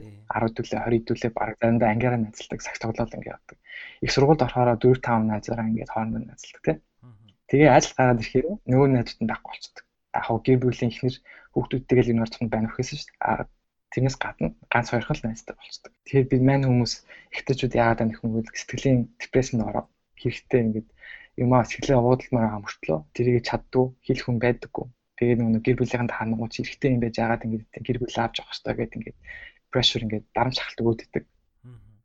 Тэгэхээр энэ их буруу юм байна шүү гэж ер нь хэлхийг хүсэж байна. А тэгээд одоо Монгол улсын амиа оролтын ингээд статистикийг харах юм бол Монгол эрхчүүдэд бараг дэлхийд топ 5-д орж байгаа хгүй нэг хүн оотохороо. Эмэгтэйчүүд маань болохоор хойно яваад байгаа. А тэр нь юу харгалаад байна гэхээр энэ асуудал маань юм гэдэг ихэвдээ байгаад байна шүү. Тийм үү? Тэгээ toxic masculinity гэдээ буюу одоо ер нь ихтэй хүмүүсийг чиүүлж болдоггүй, чи тэгж болохгүй. Тэгээ emotional эвтрийг илэрхийл гэдэг юмыг ярих юм бол бас илүү баг бүтэн подкаст ярих юм болно. А гэхдээ ерөнхийдөө одоо энэ дээр хэлэх гэж байгаа юм нь болохоор бид нэр зөв найзын хүрээлэлээ үсгээд ингээд сэтгэлээ уутлаад хэцүү үедээ тусалцаа аваад хэцүү үед найздаа туслаад ингээд яваад тах юм бол бид нар ингээд дор бүрнээ happy аз жаргалтай сэтгэлээрээ сэтгэхгүй депресстэхгүй тэр нь баг явах юм хэлэх гээд байна. Тэм чи маш гайхалтай одоо юу санаа гаргаж ирлээ гэж бодож байна. Тэгээд одоо чи яг хэллээ шүү дээ сэтгэлээ уудлах хэрэгтэй гэдэг. Тэгэхээр Simon Sinek-ийн бас нэг ийм зүйл өгд юм а. Тэр нь юу гэхээр friends test буюу найзын одоо тест гэдэг. Тэгээ тэр нь болохоор яг энэ сэтгэлээ уудлахтай их холбоотой. Гурван л алхамтай даалгавар гэж байгаа. Хүн болгоо нь амьдралдаа энэ даалгаврыг хийж үзэх хэрэгтэй гэдэг гинэ. Тэгээ тэр нь юу вэ гэхээр а нэгт болохоор нэг найзаа сонгож аавна. А найзаа эсвэл олон найзуудыг сонгож аавна тийм үү. Гэтэ тэр найз чинь чиний одоо гэр бүлийн гишүүн бол байж болохгүй. Эхнэрт нь чинь юм уу нөхөр чинь юм уу найз хүн чинь бол байж болохгүй. Зүгээр л бидний мэдих найз байх хэрэгтэй. Жишээ нь би одоо та хоёроос энийг асууж болно ч гэдэг юм. За хоёрт болохоор би одоо Батөргөл дээр ч юм уу тайнад дөр очиод ингэж асууна гэж байгаа. Чи яагаад надтай найзлтыг ингэж? Тэ? За тэгээ ингэж сухаар ингээд айгүй эвгүй шүү дээ. Энд чинь аймар тийм клишэ те айгүй тийм хачаа асуулт байгаа байхгүй ингээд инээдтэй юм шиг. Тэгэхээр ингээд хүмүүс ингээд юу яриад байгаа баг чи уусаа тэнэг болохоор л ажиллаж байгаа. Би бас тэнэг del хоёлаа тэнэгтэл гоё идэг үстэй гэл те. Үгүй яг чи бүнхээ надад хилээч ингээд дахиад асуух хэрэгтэй гэж байгаа. Тэгээ дахиад асуух юм бол юу гэж хариулах вэ гэхээр яг чи одоо ийм хүн чи одоо их гоё нэрхтэй ч гэдэг юм уу те чи их тийм гоё нэмсгэлдэг ч гэдэг юм уу чи яг гоё үнэртдэг тийм болохоор ч гэдэг юм. Янз бүрийн ингээд чиний талаас ингээд юмнууд хэлдэг. Тэр үед нь дахиад асуух хэрэгтэй гинэ тэр найзуудаасаа. А тэр үед найзууд чинь юу хариулж эхэлдэг вэ гэхээр чиний тэр хүмүүст өгж байгаа үн цэнийг хэлж эхэлдэг. Жишээ нь ориглоо би чамтай хамт байхад баг хоёул юу ч ярихгүй байгаа мөртлөө л би ингээд цаанаасаа инээрийг ирчүүч ундраад ингээд айгүй гой сэтэл төрөөд ингээд юм хиймээр юм бүтээмээр хөдөлмөрлөмөр санагдаад идэг гэд чигдэг юм уу те? Эсвэл таймна би ингээд чамтай хамт байхаар бүр ингээд яалтчгүй айгүй эрүүл амьдралын хэм маягаар амьдрамаар санагдаад идэг чигдэг юм уу. Тэгэхээр ингээд яг чиний найзуудтай өгж байгаа үн цэнийг дараа нь ингээд найзууд чи өгч эхэлдэг хэлж эхэлдэг. Тэгээ энэ үед болохоор ингээд яг түрүүний хэлсэнчлээ илүү ингээд яг нөгөө тотн ярилцаад эхэлж байгаа. Тэгээ тотн ярилцаад би бинийгаа ойлгож байна гэдэг чинь яг энэ нөхөрлөлийн үн цэнд байгаад байгаа юм болов те. Тэгэхээр яг нөхөрлөл гэдэг нь болохоор а өөрийгөө таних, өөрийгөө мэдэх, өөрийгөө олоход бас хэрэгтэй зүйлгээд.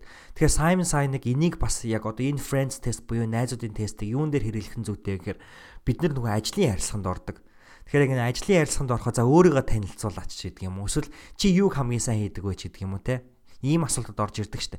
Энэ асуултууд төр нөгөө хүмүүс гацчдаг.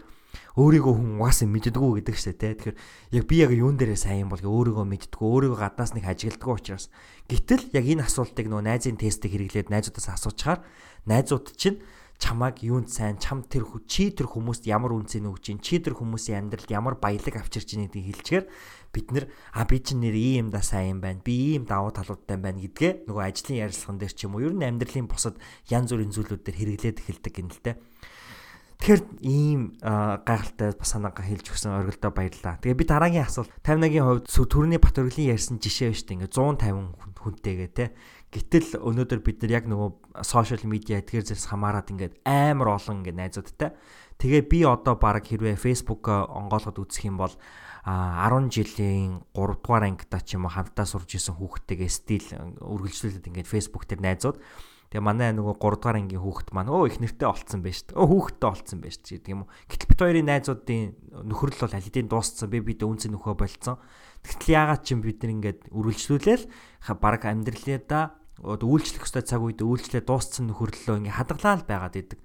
Тэгэхээр энэ нөхөрлөлийг бид нэр унтраах ёстой болов байхгүй болгох ёстой болов эсвэл хуучин цаг үеэ санаад за за би энэ залуутай чинь 10 жилдээ гоё нөхөрлөдөг байсан юмсан.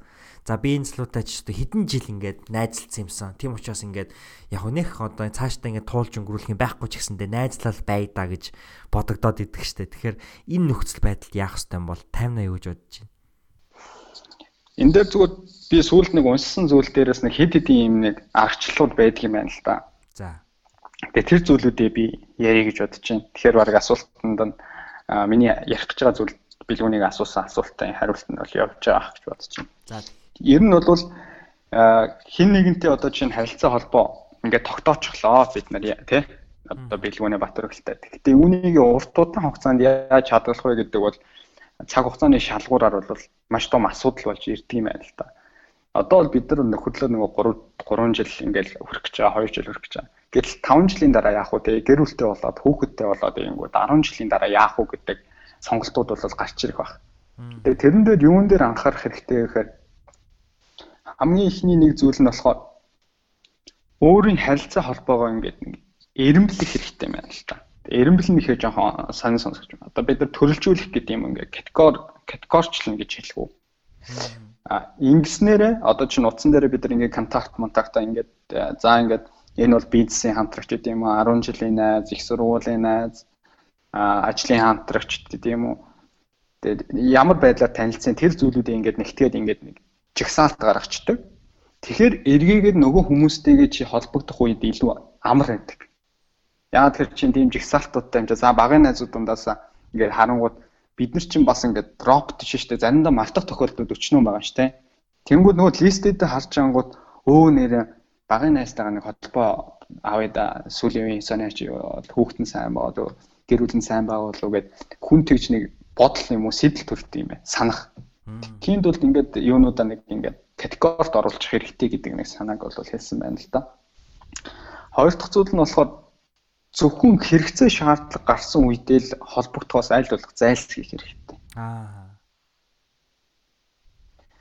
Болж өгвөл чи нөгөө тэр өмнө харилцаатай байсан хуучны найз нөхдөдөө тэднийг сонирхож байгаагаа ер нь бол харуулах хэрэгтэй.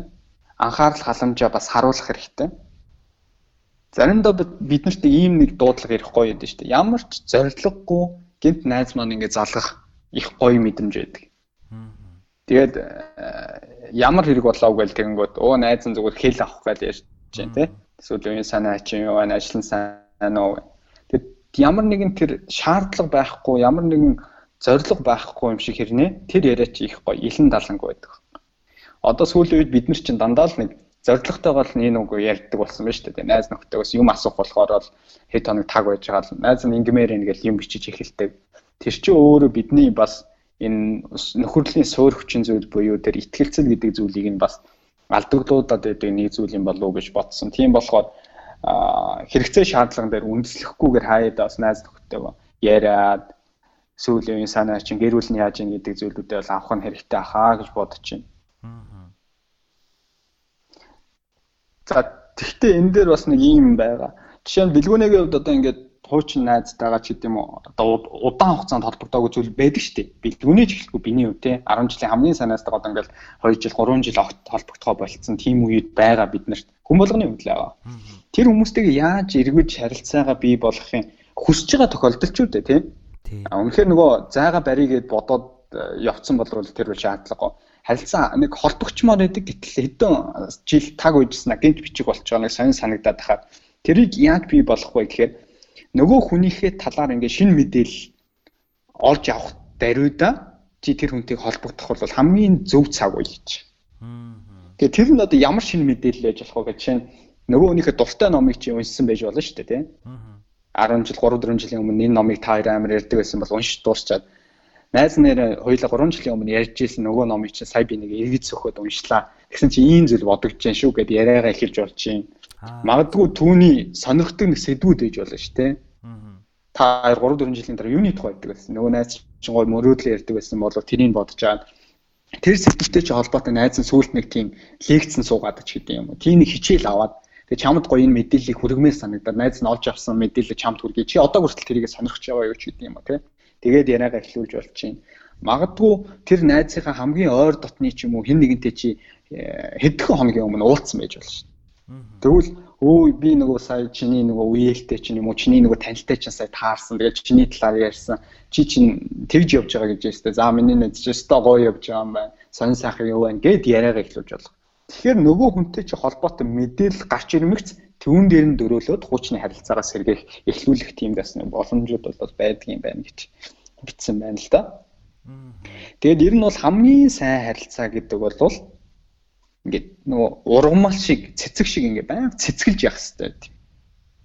Бид нар ингээд ургамлыг услахгүй бол тэр чинь ингээд хатаал хорчиг бол үхэн шүү дээ тийм. Тэгэхээр тэрнтэй адилхан бид нар хин нэгэнтэй харилцаагаа сэргэмээр идэг гэтэл тэрнтэйгээ 3 4 жил харьцахгүй яваад бол тэр харилцаа чи яг л тэр ургамал шиг огт ингээд услаагүй аль үжи хатаж орчихсон. Харин үхэхээс нь өмнө бид нар тэр харилцааг сэргээх хэрэгтэй.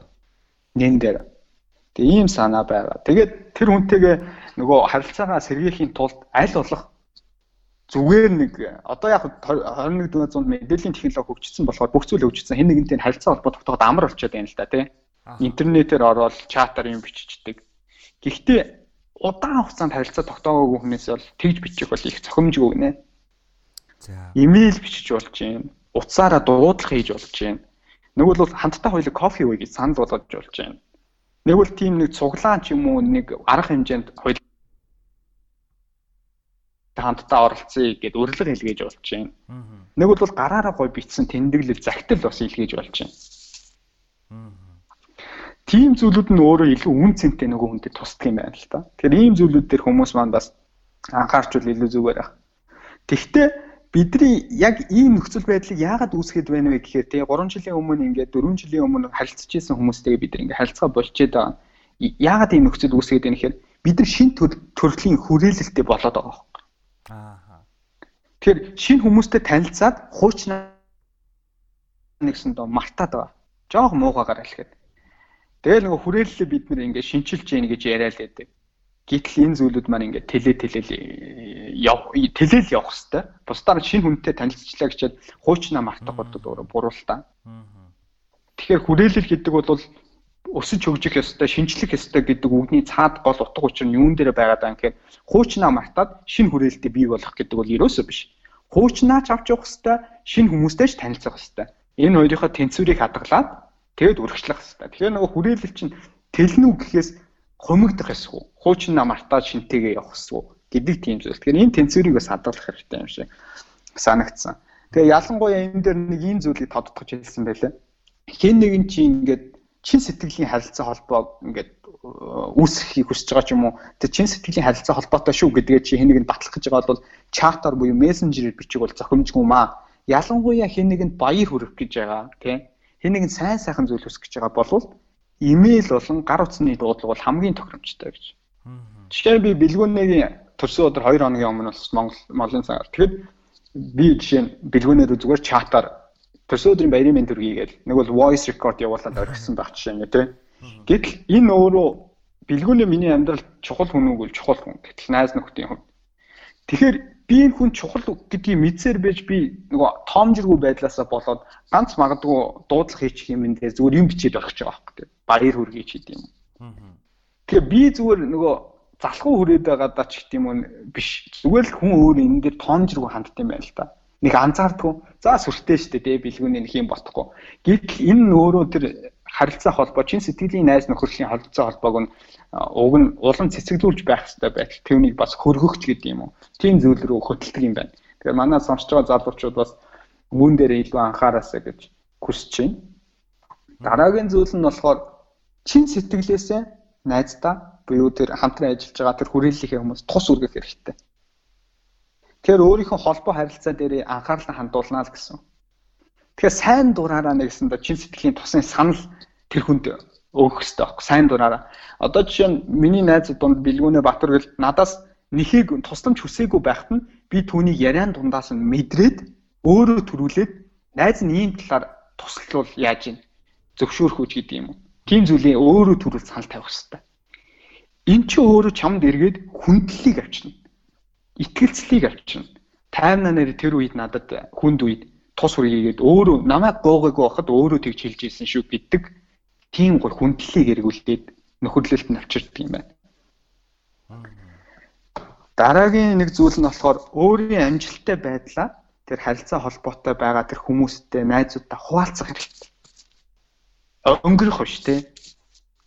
Найз нь энэ 7 хоногт ийм амжилттай юм хэрэгжүүлчлээ ч гэдэм уу. Ажлаа өнөөдөр дуусгачлаа ч гэдэм үү. Найзуудаа гоё тэр амжилтаа яваага найзуудаа эерэг байдлаар хүргэж явах хэрэгтэй. Мэдээлэл. Эн чи өөрийгөө сурчлах гээд байгаа даа биш. Өөрийгөө ингээл өнгөрөөл за би бол мундаг шүү гэдэгтээ биш. Эерэг дурсамжуудыг тэр найз нөхөрлийнхэн хүрээлэл донд бий болгох гэсэн зорилго байхгүй. Тийм болохоор бас амжилтуудаа найз нөхөдтэйгээ хуваалцах хэрэгтэй гэдэг санааг хэлдэг юм байна. Тэгээд зүгээр эцэст нь хэлэхэд сонирхлоо ерөөсөө илэрхийлдэггүй тийм. Чи юунд дуртай ингээ нэг яриа өдөхгүй л ингэнгүүт надаас юмнуудаа нуугаал гэдэг ярьж чаддаггүй. Тийм хэцүү харилцаа холбоогод бол хөөцөлтөө тэр харилцаа холбоог ингээ чи нөхөрлөл болох гээд яваад тахвал ерөөсөө хэрэггүй гэж үздэг. Маш их хэмжээний цаг хугацаа чи зарцуулна, маш их хэмжээний хичээл зүтгэл түн зарцуулна.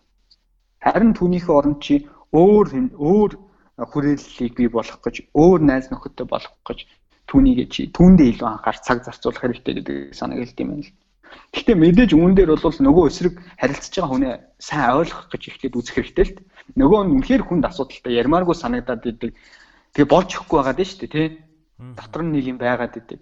Гэтэл тэр нь өө энэ угаасаа надтай яхахыг хүсэхгүй байгаа юм байна гэж зайгаа барих бол бас нэг бодлын өөр асуудал. Тэгээ нөгөө хүний болж игэл маш хэмжээнд яриулах гэж үзээ судлаа. Тэгээд эцсийн дүндээ үнэхээр л бит хоёр болохгүй байгаа мэн гэдэг зүйлээ мэдрэх юм бол тэгээд зайгаа барьж ингэлэх хэрэгтэй юм. Тэгээ энэ үүгээр би юу хэлэх гээд байгаа гэхээр цагаас цагт л энэ бид нар өдрөөс өдөрт л өөрийн харилцаа холбоогоо бид нар ингээд дүгнээд за миний хүрээлэл бол ийм хүмүүсээр бүрдсэн байна гэдээ өөрөө бас тэр бүрдүүлсэн хүрээлэл дээрээ дүн шинжилгээ хийх хэрэгтэй юм байна л да. Тэгээ дүн шинжилгээ хийчихэнгүүтээ түүнийг болж өгөр баймаа шинчилж явах хэрэгтэй. Тэгээ шинчлэн гэхээр би нөгөө хуучнаа мартаа чинийг бий болгох гэдэг утгаар биш шүү. Хуучнтайгаа ч холбоотой бай. А гэхдээ шинэ хүрээллийг л өдөр тутамдаа бий болгож айл альных нь тэнцвэрийг хадгалаа явах хэрэгтэй. А харин чамд сөрөг мэдрэмж төрүүлдэг чамд тэр хүмүүстэй байхдаа чи тав тухтай биш байдал аль үжээ мэдрээд эхэлсэн болвол түүнд зоригтойгоор үгүй гэж хэлээд зайгаа барих хэрэгтэй. Энэ бол миний хувьд бол гол баримталдаг зүйл. Шууд л зайгаа барих хэрэгтэй. Тэр нь чиний хувьд сэтгэл санааны хувьд илүү тайван болгож өгдөг. Тэгээ найзныхын хувьд л чиний асуусан асуултанд бол иймэрхүү байдлаар л хариулахыг хүсэж байна. Чи өстой гайхалтай яг голыг нь олоод хариулчлаа гэж би бодож байна. Тэгээд баярлалаа тавина. Чиний ярьсан яриа үнэхээр гайхалтай байлаа. Ягаад тэгэхээр ялангуяа чи түрүү хэлсэн штэ нөгөө найз руугаа залгаад тэгээд юм ярьж ирсэн. За юу вэ? Яасан гэд гисэн чинь өө яхаа зүгээр л залгаж гин гэж хэлдэг ч юм уу те. Тэр бол бүр ингээд ярьж байгаа тэр дуудлагыг хүлээж авч байгаа хүнээсээ гадна яг өөрөө хэлэх үед бас амар гоё юм бэлээ. Зүгээр ингээд хүн рүү залгаа те. Ингээд юу вэ ингээ ярьж байгаа нөгөө найз маань за яасан юу вэ гэд өө зүгээр л найз нь юу вэ сонин сайхан юу вэ гэж залгах гинөө гэхээр ингээд хүнд аягүй гоё мэдрэмж төрд юм байлээ. Би таймнаа нөгөө нэг ямар нэгэн үйл явдал тохиолдохоор залгаараа гэсэн дээ. Холбогдоороо гэсэн шүү дээ. Тэгэхээр нөгөө аягүй том юм төсөөлж байгаа байхгүй. За одоо ингээд нэг хүүхэдтэй болохоор ч юм уу, гэрлэхээр ч юм уу, эсвэл сургуулаа төгсгөөр ч юм уу, төрсөн өдрөөр ч юм уу те. Тэгсэн чинь таймнаа бүр амар гоё тийм чимх зүйлүүдийг ярьлаа л да нэг ном уншиж ийсэн аа. Энэ ном нь тэр найзыг санагдуулдаг ч юм уу тэгээ шууд залгадаг ч юм уу тэрийг мэддүүлдэг ч юм уу те. Ингэснээрээ нөгөө тэр хүнээ би чамайг боддог шүү. Би чамайг сандаг шүү. Чи надад хамаатай хүн шүү гэдгийг сануулах маш гоё зүйл санагдаж байна. Тэгээ өнөөдрийн бидний нийгэмд ингээд яаж хүмүүстэй танилцах уу те? Яаж одоо хүмүүстэй network хийж том том сүлжээг бий болгох уу гэж хүмүүс их асуудаг, их судалгаа семинарт явдаг. Тэм networking events, network хийдэг, хоорондоо танилцдаг үйл ажиллагаанд их оролцдог. Гэтэл өнөөдөр би таймнагийн яриаг бодож байхдаа нэг зүйлийг ухаарлаа, сонсож байхдаа нэг зүйлийг ухаарлаа. Бид нэр тийм зүйлдээ маш их анхаарал тавьдаг мөртлөө яагаад өмнө нь байгаа нөхөрлөлөө хэрхэн удаан хадгалах уу гэдэг гэдгийг асуудаггүй юм бол яагаад тэрэн дээр илүү ач холбогдол өгдөггүй юм бол Тэгэхээр бас нөгөө яг өнөөдөр би бас гурван эрэгтэй хүмүүс залуучууд яриад сууж байгаа учраас ч юм уу тэгж бодлоо л доо зөвхөн зөвхөн эрэгтэй хүнд бол мэдээж хэрэг хамаагүй. Гэхдээ ер нь бол бас эр хүнийг, ер нь хүнийг таних, хүнийг одоо харах өнцг нь энэ хүн найзуудтайгаа нөхөрлөлөө хэрхэн авч явдгийг те энэ ер нь энэ хүн ер нь нэг найзтайгаа хэр удаан нөхөрлсөн юм байна. Нэг найзтайгаа хэр их одоо нөхөрлөлөө ингээ хадгалж зөв авч явж чаддсан байна гэдгийг тэр хүнээс олж харах нь их чухал юм болов уу гэж бодогдлоо. Тэгээд миний мэдхээр зүгээр би Батөргөлтэй нөхөрлөөд нэг удаагүй. Гэхдээ ингээ Батөргөлийг юу н ажиглаж байхад маш олон төрлийн өөр өөр найзуудтай тийм ээ. Би тэгээ Монголд ингээ Батөргөлтэй явж байхад ингээл өөр өөр төрлийн найзууд нь ингээл яг таарж байгааг би мэдэрээд байгаа байхгүй. За энэ болохоор энэ хүрээллийнхэн найзууд ах шиг байна ч гэдэг юм уу. Тэгэхээр Батөргөлийн хувьд яг өнөөдрийн 51-ийн ярьсан зүйл дээр дөрөөлөд ярахад чи хэрхэн яаж тэмцэрийг хадгал. За миний хувьд бол яг тэгж би бол өөрийгөө бүх найзтайгаа ингэж хадгалж чадах гад ингээд балансыг хадгалдаг хүн гэж өөрийгөө олж чадахгүй. Ягаад тэгэхээр би бас хичээл их сургууль хичээл гэдэг асаа болт өсгөө бас нэлээд завгүй байсан. Тэгээ ажил ажил төрөл олон ингээл амьдрал гэл ингээл ингээл яваад хахаар яг нөгөө хүмүүстэй өөх завн цаг нь ингээд даахгүй болцдог. Тэгэхээр ингээд яг найс хөдөл франчайз гэдэг чинь ерөөдөө бол тийм одоо инвестмент буюу хөрөнгө оруулалт маягийн юм шүү дээ. Ерөнхийдөө бол ингээд байнга төрийн 50 хэлдэг шиг ургамлаа услана гэдэг шиг байнга л нөгөө найзуудаа өгж ийж нөгөө хүмүүсд бас гадаад өгж ийж ингээд ингээд хоорондын ингээд одоо солилцсон харилцсан одоо үйлцэл дээр тогтдог юм гэж ойлгож болох нь болоход ер нь л гингөө юм учраас би бол өөрийгөө бүр амар тэгж би бүр ингээд бүх назартайгаа тэгш ингээд байнга ингээд холбоо тогтоогоод ингээд байдаг лаг хүн гэж болж чадахгүй. Гэхдээ бол хичээдэг. Гэхдээ сошиал медиагийн ачаар бол маш сошиал медиад бол маш олон буруу тал байгаа. Тэгээ сул талуудтай сөрөг даваарууд хүмүүс бизнес гарч байгаа зөндөө байдаг. Гэхдээ нэг том даваа тал нь болохоор дэлхийд даяар байгаа найзуудтайгаа нэг л Facebook юм уу нэг л фон усны одоо видео коллинг цаанал бид нар байдаг дээ. Тийм болохоор энэний ачаар бас те нэг сардаа нэг ч юм уу хоёр сардаа нэг ч юм уу ядаж бас за юу байна яаж энийг чинь гэдэг яриад ах боломж олддогдоо л ер нь баярлдаг. 51-ийн хувьд маш олон найзууд нь ер нь бол гадаадд байж таарад идэх те. Тэгээ тэдгээрээ нэг нь бол одоо биел юм да. Тэгээд ягаад би бас энийг хэлж ийн гэхээр бид ингээд 50-аатай нөхөрлөөд 16 оноос хойш нөхөрлөөд 16 оны 101 хамттай байгаа. Тэгээ 18 оны 101 хамттай байгаа. Тэгэл болоо. Тэгсэн мөртлөө 50-аа баг миний бүх асуудлуудыг мэддэг. Миний бүх ингээд амьдралд болж байгаа том том үйл явдлуудыг мэддэг а бас одоо миний жижиг сажиг юмнуудыг бас мэддэг хөхгүй. Тэгэхээр яг оргилын хэлээд байгаа энэ сошиал медиаг таймнаа бол бүр яг энэ микро төвшөнд нь их сайн хэрэгжилж чаддаг. Тэгэхээр таймнагийн хувьд тэгвэл яг энэ сошиал медиаг яаж хэрэглээд энэ ер нь яг яа найзуудтайгаа харилцаа холбоогоо хадгалж авах үлдэхийн тулд чи яг юуг ингэж сайн чадаад байна? Master of social media. За найз нь бол одоо сайн гэж бол хэлж болохгүй хаа. Яасан сайн бол байхгүй. Аа зүгээр яг ийм байгаасаа л гэж бодсон тэр өөрийнхөө уншсан судалсан зүйлүүдээ л ерөнхийдөө сая ярьлаа шүү дээ тийм. Яг энэ ярьсан зүйлүүдээ би яг амьдрал дээр хэрэгжүүлж чаддаггүй бол бас үгүй шүү дээ. Хуучны найз нөхөдтэй бас л адилхан холбоогүй болцсон, олон жил болцсон. Тэгээд шинэ найзуудтай ингээл би болонгууд хуучин нөхөрлөлүүдийнхээ тэнцвэрийг хадгалж чадахгүй байдалд орчдөг. Тийм муу дутагдaltaй талууд бол зөндөө л. Тэр яг нийгмийн сүлжээн дээр ингээд дөрөөлөд ярих юм бол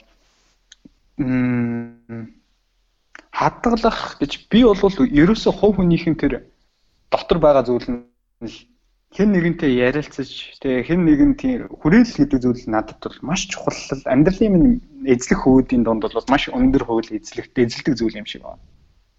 Тэгээд найз нөхөдтэйгөө би ярихгүй бол хаяада тэр хүмүүстэй хэл авч урам зориг авахгүй бол ерөөсө болдохгүй тий. Тэгээ хүн бол одоо жишээ нь өглөө бас өдөр хоол иддэг, унтдаг энэ бол хэрэгцээ бол билгүүний түрүүний хэлсэн. Хүн болгоны юм хэрэгцээ байгаа гэж. Би тэр хэрэгцээг нөхгүй л бол бас жоохон ингээд сул дараа болж эхэлдэг. Тийм төрлийн юм. Тэр утгаараа хүмүүстэй ингээд холбоо авч нэгсэндээ нөгөө хүнтэйгээ ярилцаад өөрийнхөө хэрэгцээг хангаж байгаа юм шиг хэрнээ нөгөө хүнээ би анхаарал халамжтай биш нөгөө хүнээ чи миний амьдралд одоо чухал хүмүүсийн нэг шүү гэдэг зүйлээ би илэрхийлж байгаа байхгүй нэг дуудлагаар ч юм уу хаяада найз нөхдөө санаач юу нэгэ бичиж байгаа энэ байдлууд чинь нөгөө хүнээ би бас анхаарал халамж тавьж байгаа нэг хэлбэр юм болов уу гэж найз нь бодож байна. Тэгээд энэ бол юун дээр бэлгүүнийг асуусан асуултан дээр бол хариулагдах баг. Тэгэхээр нийгмийн сүлжээг яг ингэж ашиглая гэдэг амар төлөвлөгөө гаргаад ингээд өгдөг зүйлэл ерөөсөө байхгүй зүгээр энэ зүйлийг л зөвөр ашиглаад хол байгаа найз нөхдөйг бол холбоогоо тасалчихгүй шиг л байгаад байна л да. Тэгэхээр энэ цаана нэг тийм үн цэн л яваад байгаа хта. Жишээ нь өөр миний хувьд ингээд Монголд ээж байгаа л гадагшаа явцсан найзууд бас байгаа дээ. Гэхдээ тэднэртэй би ингээд холбоо тасарсан тохиолдол зөндөө л байна дээ. Тэгэхээр би тэдний нөхөрлийн хувьд гэдэг юм уу тэр нэг цаана суур үнэт зүйл юм уу энийг ингээд хадгалаад аваад байгаа зүйл аваад явж байгаа зүйл байгаа болохоор л энэ өөрөө оршин тогтноод. Бусдаа нэг нийгмийн сүлжээ бол зүгээр хэрэгслэн шүү дээ. Тэрийг хадгалж үлдэх бид нар тусалж байгаа хэрэгслэн. Тэгэхээр энэ цаана тэр үнэт зүйл гэдэг нэг зүйл байгаа ба. Тэг би тэрийг үнэт зүйлийг ярианыхаа эхэндэж хэлсэн Энэ бол айдас гэдэг зүйлтэй л холбогдно. Айдас гэдэг зүйл маань байхгүй болохоор одоо та хоёртой яриа сууж байгаа надад илэн даланггүй байдаг. Ямар нэг нуу цаах юм байхгүй. Энэ хоёр ингийн ярьчвал ингэчих болов уу гэх нөгөө бие барьдаг зүйлүүд байдаг шүү дээ. Тийм зүйл байдаг байхгүй. Марцгнаа л ингээл та хоёртойгоо шууд ярина дээ. Тэгэхээр айц байхгүй болохоор энэ надад тав тухтай гоё мэдрэмжийг төрүүлээд идэг байгаад байдаг. Айц юм уу жоох бие барих мэдрэмж надад төрөөд хахад тэр харилцаануудыг би бол удаан хугацаанд хадгалж чаддаггүй хаа. Зя гайхалтай яриа өрнүүлсэн хоёр найздаа маш их баярлаа. Нэг хүрээлэл болж нэг найзууд гэж дуудагдаж явдгаараа би үнэхээр бахархдаг та хоёроор. Сүүлд нь энэ дугаарыг би та хоёр бол үнэхээр гайхалтай судалгаа шинжилгээ янз бүрийн өөрсдийнхөө мэддэг хачин зүйлүүдийг хуваалцсан учраас маш их тийм practical дугаар боллоо гэж бодож байна. Энэ дугаарыг сонсоод өнөөдөр шууд хүмүүс амьдралдаа хэрэгжүүлж болохоор тэгэхээр би та хоёроос энэ дугаарын сүүлд нэг хүсэлт байна. Тэр хүсэлт нь юу гэхээр сонсогчнортой зориулж нэг даалгавар өгье гэж бодож байна. Тэгэхээр та хоёрын хувьд нэг нэг бас нэг нөхөрлөлтөй хүрээлэлээ шинжлэх, хүрээлэлээ эсвэл хадгалж үлдэх, тийм ээ? Эсвэл хүрээлэлээ баяжуулах, алдагдсан харилцаа холбоогоо шинжлэх, илүү сэргээх төр ч юм уу нэг нэг даалгаврыг бас сонсогчнортой өгвөл яасан юм бэ гэж хүсэн байна. За дэмжиж байна. За дэмжиж. За миний өхийг хүсэж байгаа даалгавар нь юу гэхээр 58-гийн маань түрүүн хэлсэн санаа нэг надад маш хүчтэй буусан л да. Тэр нь юу гэхээр хэрвээ амьдралд чинь хин нэгэн тийм сүрэг мэдрэмж өгж байгаа шууд харилцаагаа дасал гэж. Тэгэхээр тэр нь юу хэлж байна гэхээр өнөөдөр бид хүрээлэл маш чухал. Ягаад гэхээр хүрээлэл гэдэг бол байнгын мэдээлэл өгч идэг. Тэгэхээр зэрэг өнөөдөр бид нар бас сошиал медиагаар дамжуулаад маш их одоо хүрээллээсээ мэдээллийг бол байнга авч идэг.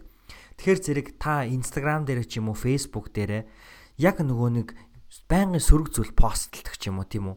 Ингээд нэх амьдралд чинь угаасаа үйлчлэхэ болцсон байнгын ингээд сөрөг зүйлд гэсэн мөртлөө ингээд оруулаад амьдралд маань ийм асуудал байна ингээд байдаг гэл. Тэгэл чи баг нөгөө залуутайгаа 4 5 жилийн өмнө л хамгийн сүүлд уулзсан. Одоо баг би биенийгаа таньхаа болсон үгээ таньдгаач баг мэдхэ болсон байж ич.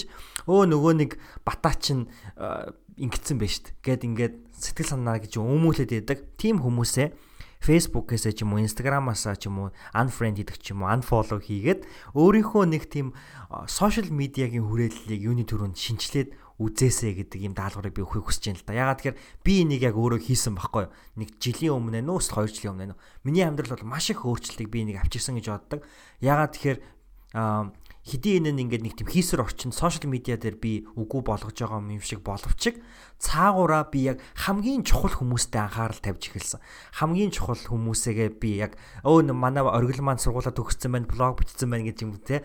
Энэ дээр миний хамгийн их анхаарал ирж байгаа байхгүй. Тэрэн дээр л миний хамгийн их одоо гол фокус ирж байгаа учраас эргээгээд яг амьдрал дээр энэ хамгийн их чухал нөлөө үзүүлдэг юм болов уу гэж бодож байна. Тэгэхээр би тэгэхээр зэрэг аа баярлалаа. Тийм тэгэхээр би зэрэг надаар надтай хэрвээ би одоо ялангуяа Instagram бол би маш одоо болгоомжтойгоор дагдаг. Тэгэхээр миний наан би л дагж байгаа бол чи одоо миний амьдрал бол үнэхээр чухал хүн байна гэсэн үг. Тэгэхээр яг түүнтэй адилхан тим хэмжээнд хүртэл та бүхэн бас хийгээд үзээсэй гэж хүсмээр байна. Тэгээд Тийм байна. Тэгээ өнөөдрийн энэ гайхалтай дугаарыг хамтдаа хийсэн хоёр найзтай баярлаа. За Батөр өглөөний хувьд ямар даалгавар байна? Бас сүүлийнхаа нэвтрүүлгийн сүлд хідэн хормыг үгэл үгүй үгүй. Түрүүн би нөгөө нэг 15 5 гэд хүмүүсийн тоог хэлсэн шүү дээ. Одоо тэгээд яг одоо сонсож байгаа хүмүүс маань дор бүрнээ дотны гэсэн бүр яг яг хамгийн дотны гэсэн 5 найз эсвэл 5 гэр бүлийн гишүүн ч юм тэрийг дотроо бодоод а нэгэнтэй ч юм уу хоёртой нь яг ингэ сэтгэлээ уудлаад ингээд ярилцаад ийм болохгүй байх би ингэж чинь ингүүл яаж чинь тэгжүүл яаж чинь дотны яриа өрнүүлээд зөвлөгөө аваад үзээсэй гэж хүсэж байна. Ягаад тэгэхээр бид нар ингээд айдаг те одоо энэ хүн би ингээ хэлчихвэл тэр хүн яах бол доо гэж боддог. А үнэхээр дотны хүн мөн л бол чамайг таныг яг юу ч хэлсэн тэр бол хүлээж аав тийм үү? Яг өөрийн гэсэн зөвлөгөөгөө өгнө. Тийм учраас яг тиймэрхүү харилцаа яриаг өрнүүлээд дотны цагийг нөгөө үнтэйг хайртай үнтэйг өнгөрүүлээд ингээд үзээсэй гэж би хүмүүсээсээ гуйх байна тийм. За ганц зүйл нэмээд хэлэхэд Батөргөлийн бас яг энэ даалгавар өгж байгаа шалтгаан нь сэтгцийн одоо сэтгцийн өвчнтэй ер нь холбоотой байх. Тэгээд юу гэдэг чинь сэтгцийн эрүүлэнтэй холбоотой байх те. Тэрийг яг mental health гэдэг юмыг монголоор орчуулахаар бүр тэрний бүр ингээд бууж өгдөггүй. Тийм болохоор бид нэр ингээд ойлгохгүй ханаад байгаа байхгүй те. Сэтгцийн эрүүлэн тэгэхээр шараатанд очих юм яах вэ гэж мэддэггүй. Тэг яг үндэ бид нэр ингээд байгаль тэр одоо янз бүрийн эмоциг, emotion одоо сэтгэл хөдлөлийг байнга мэдэрч идэг. Тэр нь маань зүгээр хэвийн үзэгдэл шүү гэдгийг бас та нар маань ойлгоорой. Гэдгийг сайн өөрийгөө сонсоод үзээрэй, чагнаад үзээрэй. Болохгүй бол хүмүүстэй ярилцаасаа гэж хүсэж байна. Тэгээд сүүлд нь бас би зүгээр энэ дэр нэмэлдэх нь яг Батөргөл маань энэ сэтгцэн эрүүл мэндтэй холбоотой блог дараагийн удаа гарах байгаа те. Тийм учраас сонсож байгаа хүмүүс маань Батөргөлийг medium.com дээр дагаад бас Instagram дээр нь дагаад шинэ блогийг нь хүлээн авч уншаарай гэж хүсэж байна. Тэгээд эхний блогийг нь бас заавал уншаасаа гэж хүсэж байна. Тий. Баярлаа. Баярлаа. За миний хувьд болохоор илүү хүрээлэлээ яаж хэрхэн тэлхүү гэдэг талаас нь хоёр санал байна. Тэр нь болохоор 7 хоногтой 2 цагийг би хүрээллээ тэлхтэл зарцуулна гэдэг өөртөө нэг зорилго тавьчих. Илүү хариуцлагатай бай гэж бодож байвал цаасан дээр бичдэг ч юм уу тийм. Жишээ нь өмнө би нэг хүнтэй уулзж байгаа тийм юм хэлсэн. Надад ийм жагсаалт байдаг гэд би яг энэ энэ хүмүүстэй уулзсан гэд ог танихгүй хүмүүстэй тийм уулзаж тожлох судал мадлан шүү тийм үү. Тийм бичсэн лист дээр. Тэгээ эхнээсээ за энэ сард энэ хүнтэй уулзчлаа, хоол идчихлээ ч тийм үү. Энэ тэнд э, үйл ажиллагаанд таачлаа гэж чеклэл яваад байдаг. Тэгээд ийм байдлаар 2 цаг зарцуулна гэж бичиг хэрэгтэй. Заавал уулзахтаа ч бас биш. Э, Батөргөлийн яриан дунд тэр үн гараад ирсэн нөгөө жишээ нь манай одоо чинь менежерүүд бол ихэнх нь австрал хүмүүс байдаг байхгүй. Тэгээд нэг удаа ингээ менежер маань наттай ингээ зөрөхтөө наттай мэдлж байгаа байхгүй Тэнгүүд дараагийн удаа би зөрөхдөө нөгөө хүнийг төрүүлж мэдлэхийг би ингээ хүлээгээд байгаад байдаг. Гэтэл сүултээ айгүй сонирм л дээ. Би төрүүлж ингээд би энэ хүнтэй төрүүлж мэдлэхгүй байхгүй айгүй тийм дутагдaltaй талтай. Нөгөө хүнийг хүлээгээд би бас тийм. Надтай ингээд надтай ингээд нүдний харцсан толгорох нь яах нь гэж харж байгаа зориг гаргаал заримдаа ингээд яаж гэтэл сүултээ нөгөө менежер маань надтай нэг мэдлэхгүй үзэрдэг болсон. Тэгээ би гайхсан байхгүй.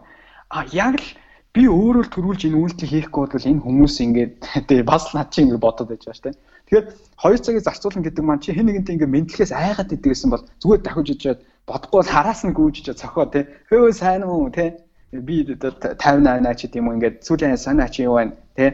Азаа гоё дараа уулзъя гэд. Тэгэд нөгөө хүнтэй яриа өрнүүлэх энгийн яриа өрнүүлэх ч өөртөл тэр 7 хоногийн 2 цаг ч юм бол орчин. Тэгээ ийм зүйлийг 2 цаг зарцуулаасаа гэж хүсмээр байна. Хоёр дахь санд болох гэж байгаа зүйл нь сарда 5 найзаасаа та хэд өөрийнхөө хүрээл дундаас тий надад нэг хүн танилцуулаач гэдэг хүсэл тавиарай. Сарда 5 найзтай.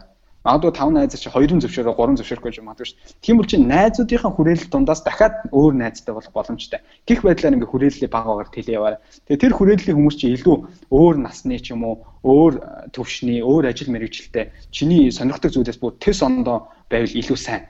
Тэр тусмаа чи өөрийгөө илүү олон талаас нээх, олон талаас юмыг харах тийм боломж нь бүрддэг юм шиг санагдсан. Одоо нөгөө нэг наваг Натаа тайлцуулахаар хөөх рох юм байна уу гэдэг шиг л яхах юм биш тий. Тийм үү. Яг тийм за. Яг ориглон хэлж байгаа шиг бас ашиглаж болно шүү дээ. Яг тийм л юм шүү дээ. Тэгээ ерөөсөө тийм. Натаа танилцуулах хөөх охин байна уу? Гой танилцъя. Энд чинь танилцах шүү дээ тий. Тийм шиг. Эдэг шиг. Эдэггүй шүү. За за бидэд нэг чинь. За тэгээд төгсгөлд нь нэг юм хэлээд дуусаад хоёр саналаа өгчлөө. Тэгээд өнөөдрийн ярианы зүгээр гол сэдв бол зүгээр энэ нүхтэй л илүү холбогдох байх гэж бодож байна. Тэр нь ямар үг юм бэ гэхээр чи миний оронд байсан бол ингэхэл байсан гэдэг үг. Тэгэхээр энэ үгийг бол хүмүүс өөртөө баян хэлж байгаасаа гэж хүсэж байгаа. Бид нэр ингээ найз нөхдөс ямар нэгэн зүйл ингээ гуйдаг штэ тий. Ингээд өгөөч тэгээд өгөөч ингүүд нөгөө найз маань үгүйгээ хэлчихэнгүүд ч юм уу надад туслахгүйгээд боломжгүйгээ илэрхийлчихэнгүүд би гомддог тий бухимддаг. Яагаад гэж чи үн надад ямар өөдгүй ийм хүнд үйдгээд. Тэгвэл тэр хүний оронд өөрийгөө тавиад хэрвээ энэ найз чинь чамаас яг чиний гаргасан ийм хүсэлчиг гуйлтыг гуйсан бол чи яах байсан бэ гэдэг зүйлийг өөрөөсөө асуух хэрэгтэй. Тэгэхээр нөхөрлийн хувьд бол ерөөсөө тэр бэлгүүнээ цагт бэлгүүн дээр биш цагтлагын дээр Батэрэг л хоёр надад өнөөдөр туслаа гэж бодъё л доо тий. Ааха. Тэгэнгүүт би дотроо юу гэж бодох вэ гэхээр энэ хоёр ямар гой сэтгэл гаргаж байна надад. Ийм хүнд үед надад ингээд өөртөө чин сэтгэлээсээ тусалчлаа гэд би энэ хоёроос асууж ийн гэж бодъё. Та хоёр яагаад надад ингэж их сэтгэл гаргаваа гэд асууя. Тийм бол бэлгүүнээ Батөргөд хоёр юу гэж хариулах вэ гэхээр надад чи миний оронд байсан бол миний төлөө ийм л зүйлийг хийх байсан да гэдэг хариулт авах. Тэгэхээр нөхөрлөлийн гол суурь хүчин зүйл нь ерөөсөө л юм. Аа. Наач ястаа. Энийг бэлгүүнийг оронд байсан бол энийг хийх байсан. Бэлгүүний миний оронд байсан бол миний төлөө энийг л хийх байсан. Тэгэхээр ийм гоё нөхөрлөлийг бий болгохын төлөө хүн болгоны хичээгээсэй л гэж хүсэж байна. За өнөөдөр маш гайхалтай яриа өрнүүллээ. Тэгээ энэ хүргээд өндөрлүүлье. Тэгээ хоёулаа өдрийг сайхан өнгөрөөцгөөрэй. Баярлалаа. Баярлалаа.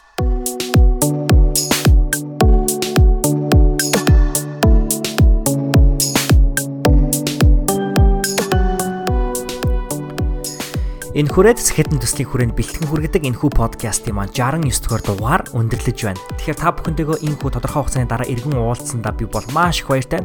Тэмч ч бас эргээд та бүхэнтэйгээ холбогдох, та бүхний сэтгэлдлийг хүлээж авахдаа би маш их баяртай болно. Гэтэ энэ удаагийн сэтгэлдлийг хүлээж авах хүн бол би ганцаараа биш, хоёулаач биш бүр 3-ын гуруулаа байх болно.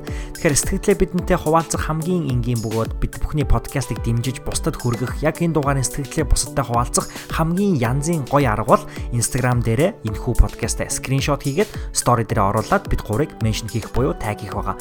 Тэгэхээр энэ удаагийн зочин Батөргөлийн маань Instagram хаяг нь Б Батөргөл буюу B Батөргөл байгаа. 50-нагийн маань Instagram хаяг нь болохоор 50-нациг B байгаа. Ах харин минийх цогт бэлгүүн дээр байгаа. Тэгэхээр бид гурыг меншн хийгээ битгий мартаарай. Тэгээ та бүхнийхээ сэтгэлийг унших, та бүхэнтэйгээ холбогдохдоо бид бүхэн маш их баяртай болно. Хамгийн гол нь энэхүү стори дээр оруулж өгснөөр бид бүхний подкастыг та маш ихээр дэмжиж хүмүүст хүргэж бидний бүхний энэхүү мессежийг хүргэх маш том үн цэнтэй алхмыг бид бүхэнд авч өгч байгаа юм шүү. Тэгэхээр эргээгээд магадгүй энэ подкастын таалагддаг бол биднэрт баярлаа гэж хэлэх хамгийн гоё арга бол энэ байгаа. Тэгээ бид бүхэнтэй үргэлж хамт байдаг сонсогч та бүхэндээ маш их баярлалаа гэдгийг би дахин дахин хэлмээр байна. За тэгээ хамгийн эцэст нь энэхүү нөхөрлөлийн дугаар сурсан бүх зүйлээ та заавал хэрэгжүүлээрэй.